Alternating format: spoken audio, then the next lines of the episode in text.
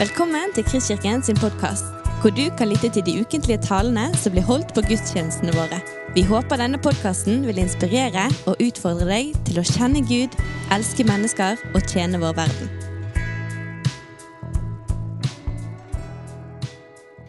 Ja, jeg har jo fått den store æren av å skulle representere 0 til 30-generasjonen.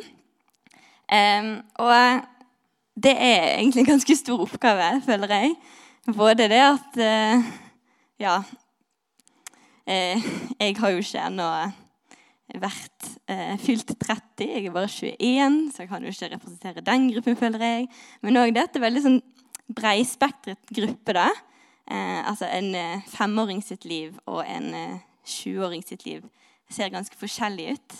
Um, så, ja, og I tillegg så skjer det kanskje et skifte når man er 25, kanskje, der man egentlig kjenner seg litt mer igjen i den neste generasjonen.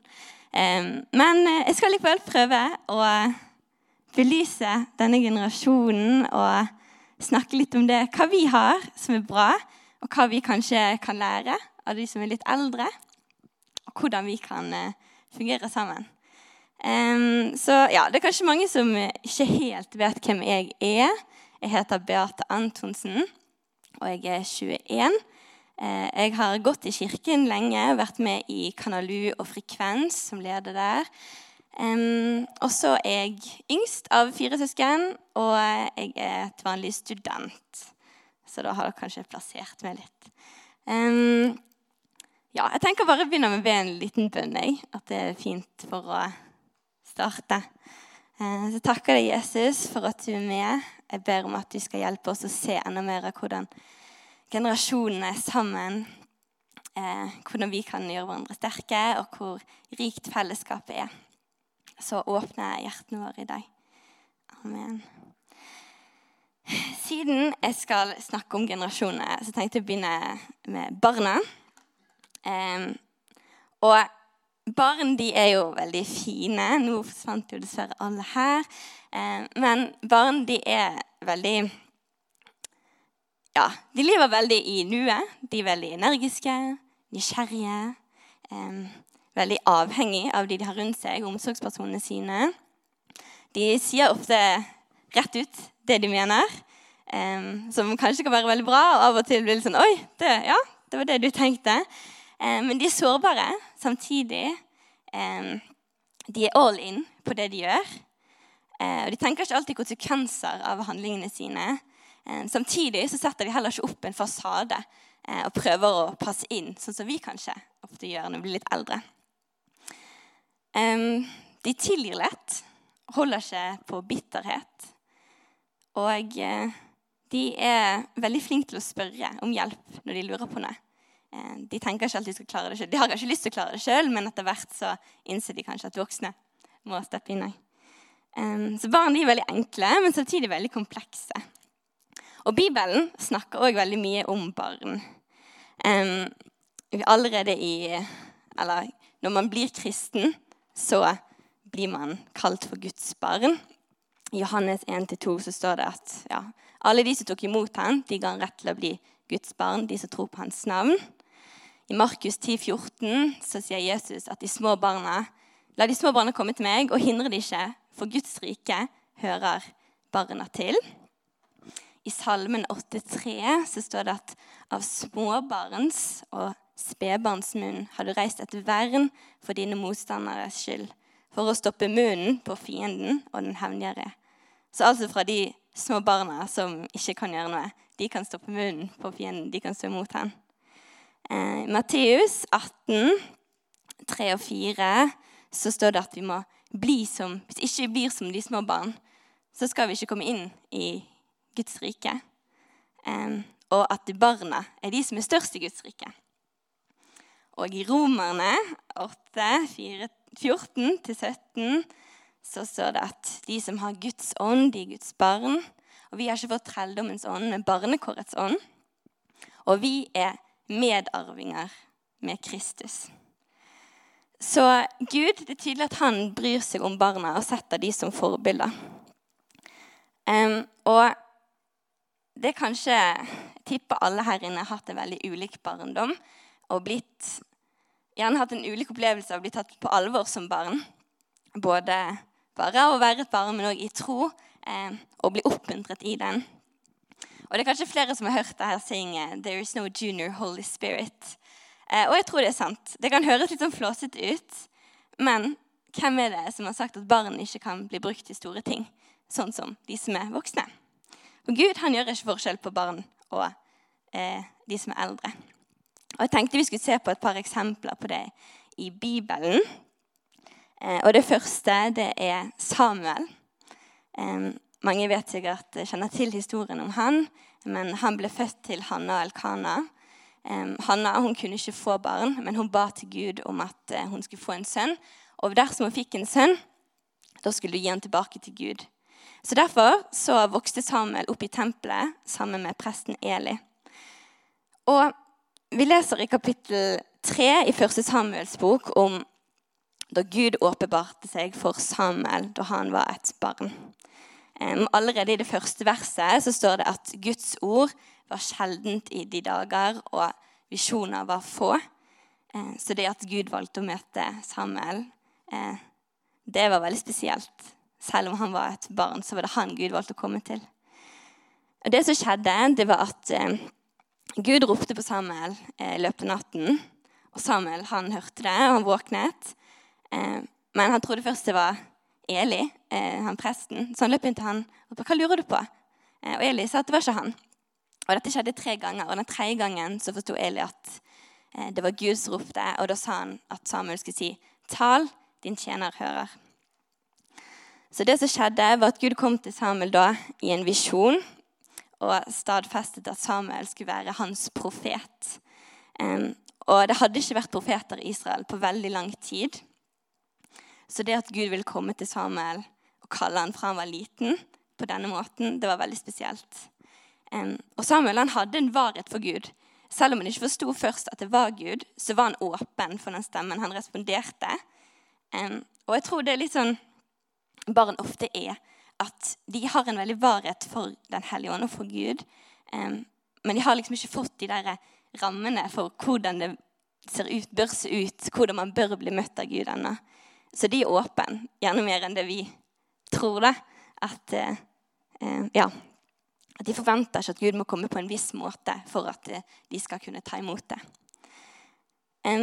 Et annet eksempel det kan vi lese om i Lukas kapittel 1. Eh, og Der står det om Elisabeth og Maria, som begge blir med barn. Um, og Elisabeth hun var konen til presten Zakaria. Eh, hun kunne ikke få barn, og i tillegg så var hun gammel. Men likevel så kom det en engel til Zakaria eh, og sa det at Elisabeth hun skulle bli gravid. Og vers 15 i det kapittelet så står det at eh, hun skulle bli gravid med en gutt, og han skulle hete Johannes. Og han skulle være fylt av Den hellige ånd fra han var et barn inni magen. Han skulle vokse og bli sterk i ånden, og han skulle gå i forveien for herrene, for Messias som skulle komme med samme ånd og kraft som Elia og vende fedrenes hjerte til barna. Og En stund etter at Elisabeth ble gravid, så ble Maria gravid med Jesus ved Den hellige ånd. Og Etter det så dro hun opp til Elisabeth for å være der en stund. Og så står det at da de møttes, så hoppet eller sparket barnet i magen til Elisabeth kraftig. For Johannes han kjente igjen det som var eh, hvem som var i magen til Maria. Og Det gjorde at Elisabeth òg ble fylt Den hellige ånd. Og hun fikk en åpenbaring av hvem Maria bar på.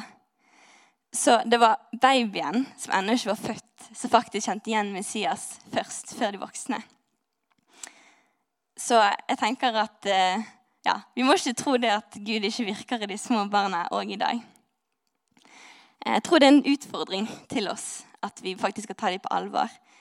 Og når et barn kommer med noe, eller en opplevelse fra Gud, at det faktisk er ekte. Gud diskvalifiserer ikke barna, så det bør ikke vi gjøre. Samtidig så skal ikke vi være barn for alltid. Uh, vi oppmuntres til å vokse i troen uh, og til å ta nye steg uh, og bli moden. Vi skal ikke alltid bare være på søndagsskolen og høre de samme fortellingene, men vi skal få en større dybde. Men jeg tror allikevel at vi må huske på å bevare den barnlige tilliten som barn har, og den barnlige troen. At eh, vi skal være som små barn, og da skal vi ha adgang til Guds rike. Og når barn blir eldre, så blir de etter hvert ungdom og unge voksne. Og det er jo den fasen jeg er i i dag. Så kanskje her jeg eh, føler at jeg ja, kjenner meg mest igjen. Eh, og jeg kan si det at å være ung, det er ikke alltid bare lett. Etter hvert som man blir eldre, så begynner spørsmål å dukke opp. Tro og tvil. Ting som man lærte på søndagsskolen, begynner å kverne. Ja, men hvorfor er det sånn? Hvordan, hva gjelder det for meg? Og, og bare verdensbildet, ting som har blitt lært, begynner liksom Man får nye impulser. Og det blir ikke ja, det er ikke bare lett å gå rundt med alle de tankene i hodet. Eh, og i tillegg så begynner man kanskje å lure på hvem er, hvem er jeg? Identiteten min? Hva, hvor får jeg den fra? Hva skal prege hvem jeg er? Og hvordan finner jeg ut av dette her? Eh, og samtidig så skal jeg prøve å være en god venn. Jeg skal være en god datter, en god elev, eh, en god kristen. Og det kan være lett å, at disse rollene her krasjer på en måte, eller at jeg har venner som kanskje forventer noe, men så de kristne vennene forventer noe annet, og det kan bli litt sånn rollekonflikter. Så det er en ganske vanskelig balanse, for man, veldig, man skal bli mer selvstendig, men så er man avhengig av andre. Og så skal man prøve å navigere inn i dette. Samtidig så bærer unge på ganske mye bra. Unge de er kanskje Vi er kanskje veldig sånn her og nå. Tenker veldig på øyeblikkene. Det er øyeblikkene som er viktig. Framtiden den er langt der framme. Og ting skal helst skje fort. Vi vil helst se vekst i kirken fort. Vi vil helst se at nye ting kommer i gang har ikke alltid den tiden til å vente og tålmodigheten som kanskje de som er eldre har. Eh, og opprør er kanskje noe som mange forbinder med unge, men litt den derre at eh, vi har behov for å gå litt nye veier. Ikke gjøre alt sånn som det har blitt gjort på tidligere. Kanskje tenke litt nytt. Være kreativ.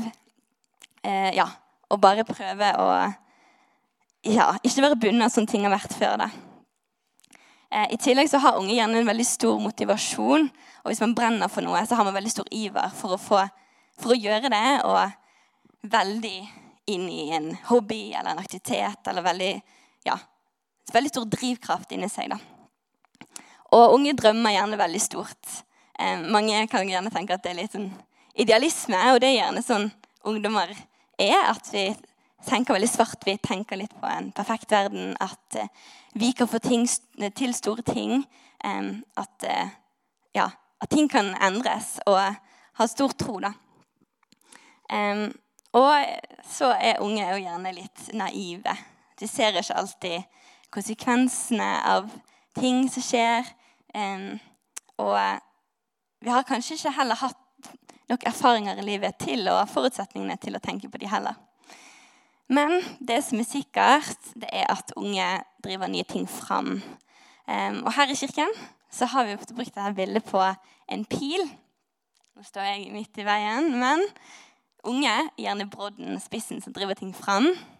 Uh, og de i den neste generasjonen, 30-60 kanskje, er liksom den stabile, som holder balansen. Og de eldste de er bak og styrer retningen. Uh, så de utfyller hverandre, men det er liksom unge kanskje de som har litt den der eh, brodden da, til å få ting igjennom. Og når jeg ble spurt om å tale, så for å være ærlig, så var egentlig den første tanken min det var hvorfor meg? Jeg kunne liste opp utrolig mange andre som jeg hadde tenkt ville passet bedre til den oppgaven. Eh, være mer kvalifiserte, kanskje talt mer før.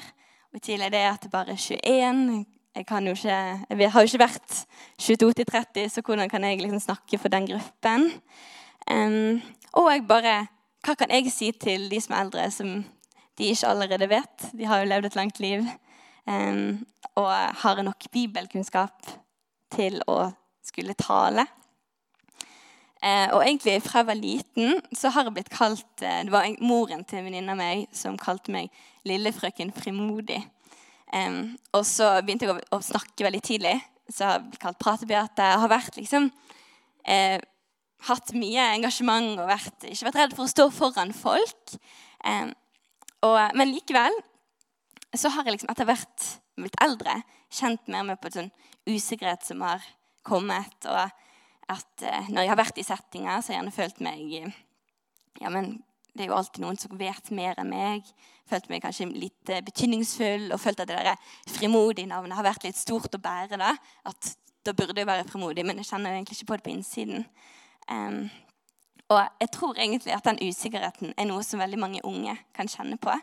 Um, litt den derre at man diskvalifiserer seg sjøl og føler at uh, ja, men jeg er ung. Uh, det er alltid noen som kan mer.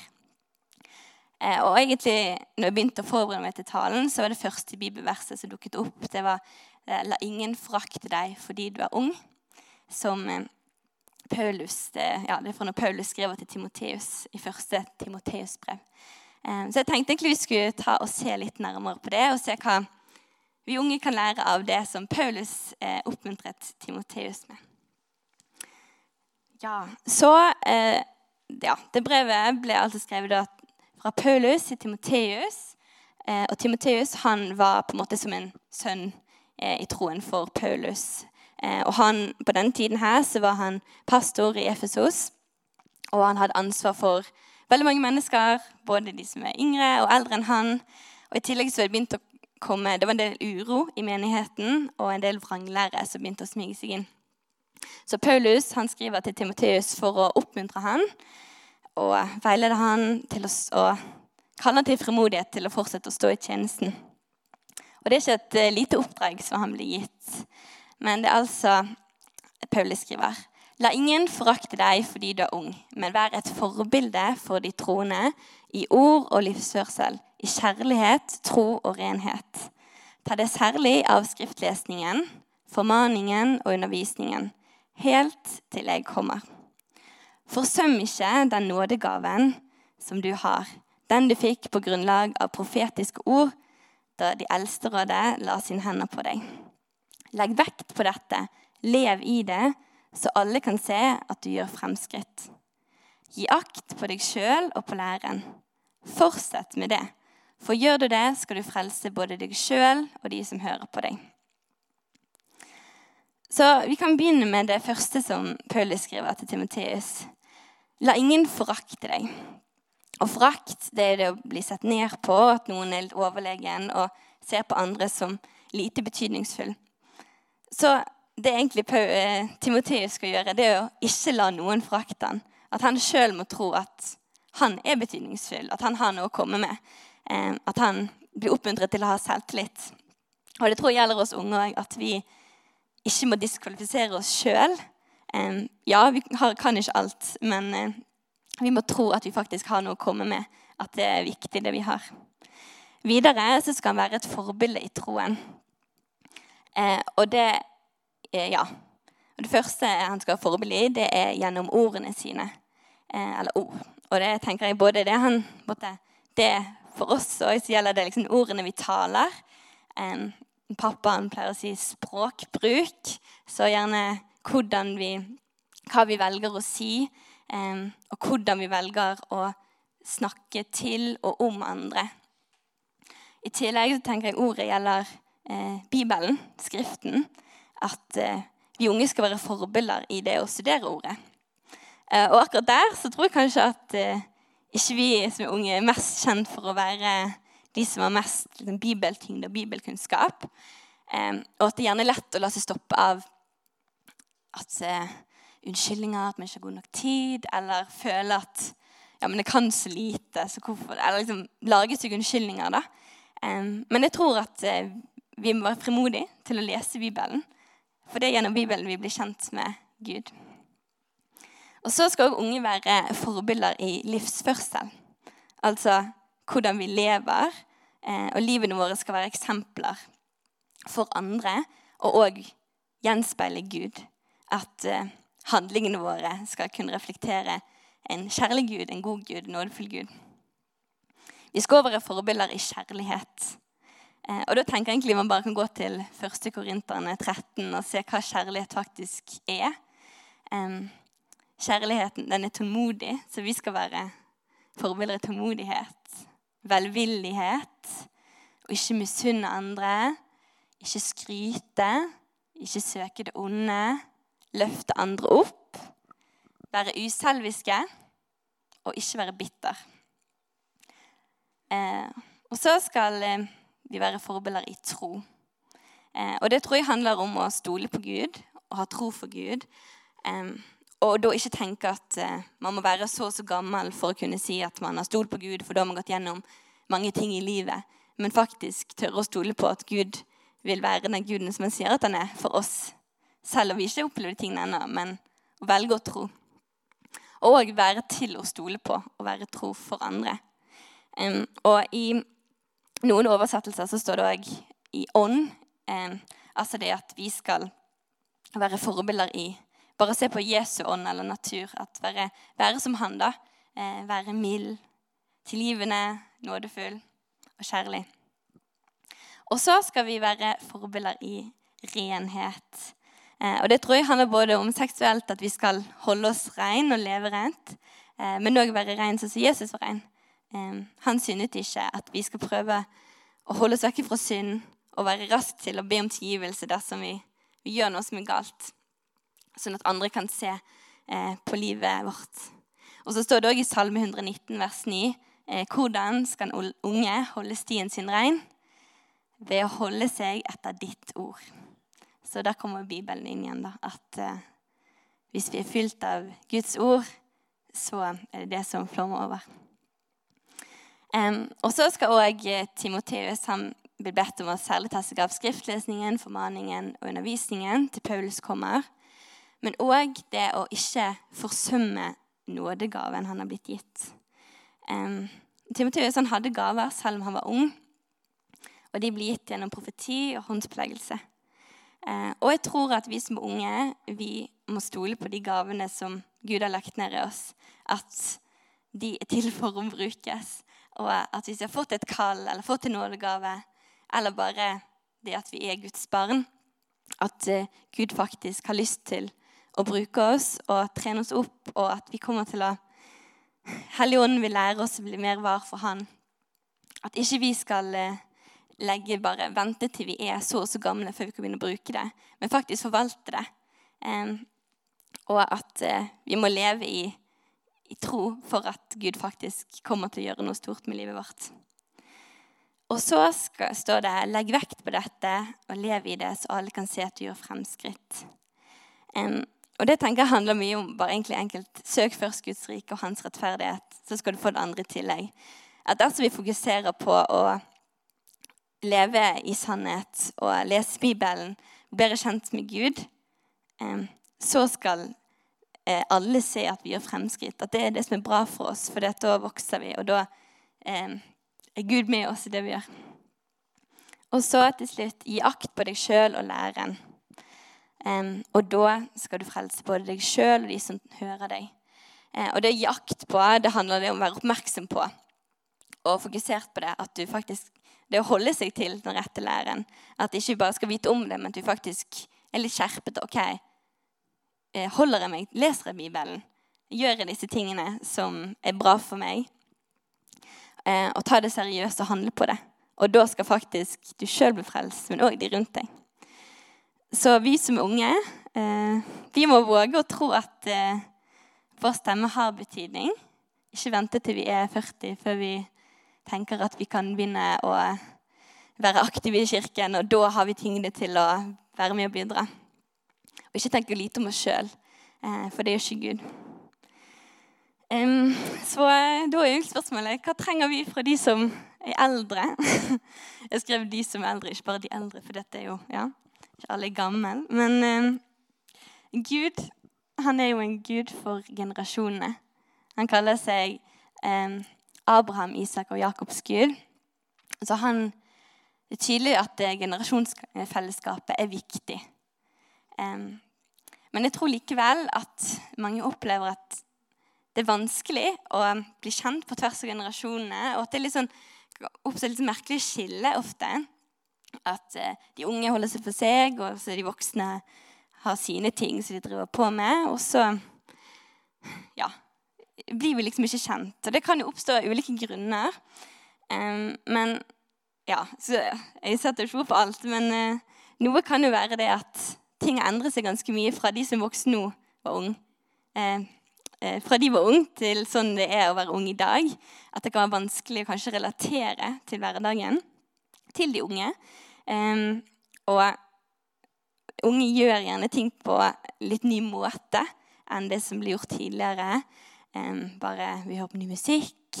Sosiale medier. uh, vi er der hele tiden, og alt skal skje der. Kirken blir plutselig digitalisert og alt mulig.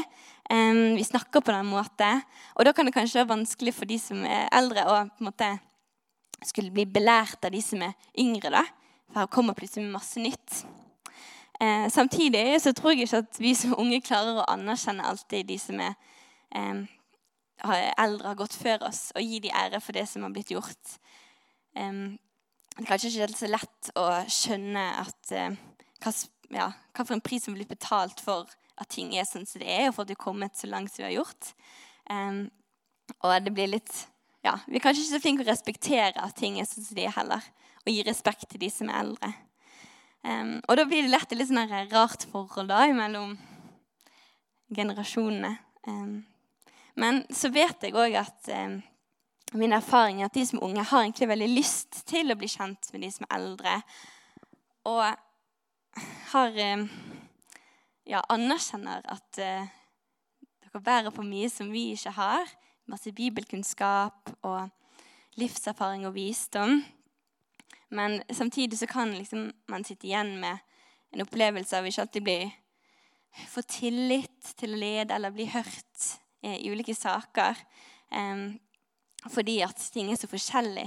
Eh, og da er liksom Det er få ting da som på en måte dreper den gleden eller iveren. da, som på en måte, Hvis man er engasjert for noe, og så hører man at det ikke er nei, det er ikke noe vits, det er så annerledes, eller det har ikke tid til. Eh, og da kan det òg føles urettferdig hvis man da får høre at ja, men unge de er noe de holder noe på for seg sjøl og er ikke med og bidrar og er ikke aktive. og sånn. Eh, men jeg tror at eh, det ofte bare kan være vanskelig å finne de møtepunktene da, for generasjonene. Eh, fordi ja, så kan appellere liksom, til begge gruppene. For jeg tror at det er så mye bra som ligger hos de eldre som vi unge kan lære av. så jeg har egentlig bare valgt meg ut noen få ting som jeg tror på en måte, ungdommen trenger fra de eldre generasjonene. Da. Uh, og en av de første tingene det er tillit. Det at vi får tillit fra de som er eldre til å utføre oppgaver, og vet at noen, som, noen har troen på oss til å gjøre det. Eh, og òg frihet da, til å prøve og feile. For eh, vi kommer til å gjøre feil, eh, men da trenger vi å vite at noen som backer oss eh, og faktisk lar oss få en sjanse til. Ikke bare ja, men da vet vi at det ikke funker, f.eks.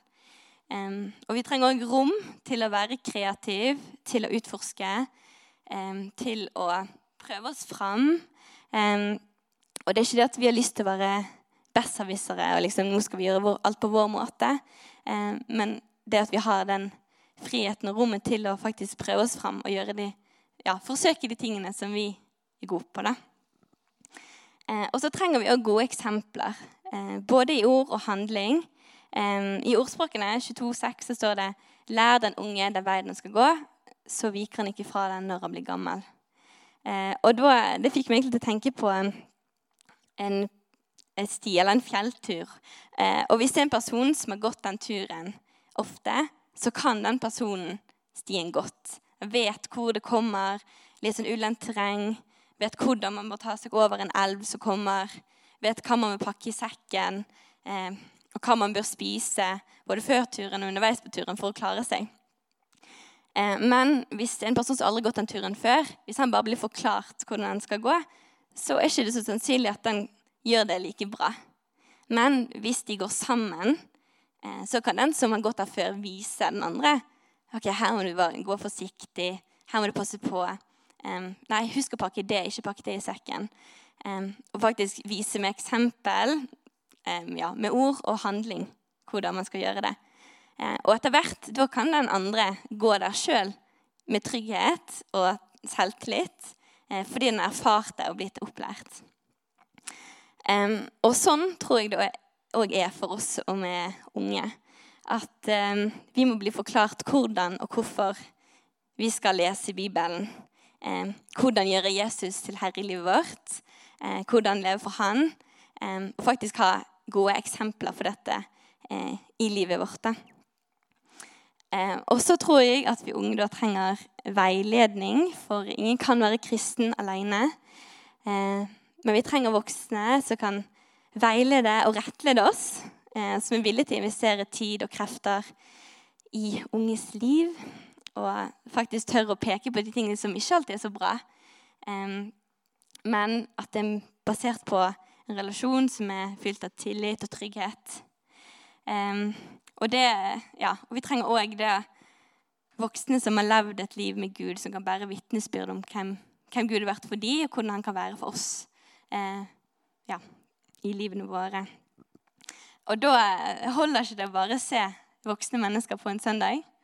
Vi trenger folk som er til stede i livet vårt, og som vi kan se, og som har som eksempler. Og da vil jeg bare trekke fram den eh, lederskolen som vi har nå i kirken. At sånn som det, det er så utrolig bra, for da får vi som er yngre, tid sammen med voksne. Vi får høre fra folk som lever som kristne i hverdagen. Det er ikke bare at vi ser voksne mennesker og vet at de òg er kristne, men vi får knytte en relasjon. Eh, og til slutt så tror jeg at vi som er unge, vi trenger utfordringer. Sånn som små barn som eh, trenger å vokse og trenger riktig mat, så trenger vi noe å strekke oss etter. Så det å tørre å delegere oppgaver til de som er yngre. Sånn som i dag, at jeg eh, får lov å tale. Det er noe som virkelig strekker meg, og som er en mulighet som jeg ikke hadde fått eh, eller hatt til å vokse hvis ikke jeg hadde blitt spurt. Eh, og i tillegg så det at jeg Nå har jeg ikke snakket mye om det, men jeg har vært med som leder i Kanalu. Eh, og det at jeg ble utfordret til å lede mens jeg var såpass ung og hadde voksne rundt meg som backet meg, veiledet meg, og det at jeg fikk lov til å prøve og feile og bruke mine gaver, det har jeg sikker på har vært det har vært veldig betydningsfullt for meg, og kommer nok til å være det framover òg. Um, så ja, generasjonsselskapet det er utrolig rikt. Og jeg tror det ligger skikkelig mye bra der, som mye mer potensial enn det vi har sett allerede. Uh, men jeg tror òg at uh, vi må bli enda flinkere til å å se hverandre og løfte hverandre opp. Og at vi kan hjelpe hverandre til å utnytte det potensialet som ligger i hverandre. Da. Så jeg tror at eh, når vi lærer oss enda mer sammen, så kommer det til å bære skikkelig masse frukt i tiden framover. Du har lyttet til en podkast fra Kristkirken i Bergen. Vi håper du har blitt inspirert og utfordret i din vandring med Gud. Vil du vite mer om oss, så klikk deg inn på kristkirken.no.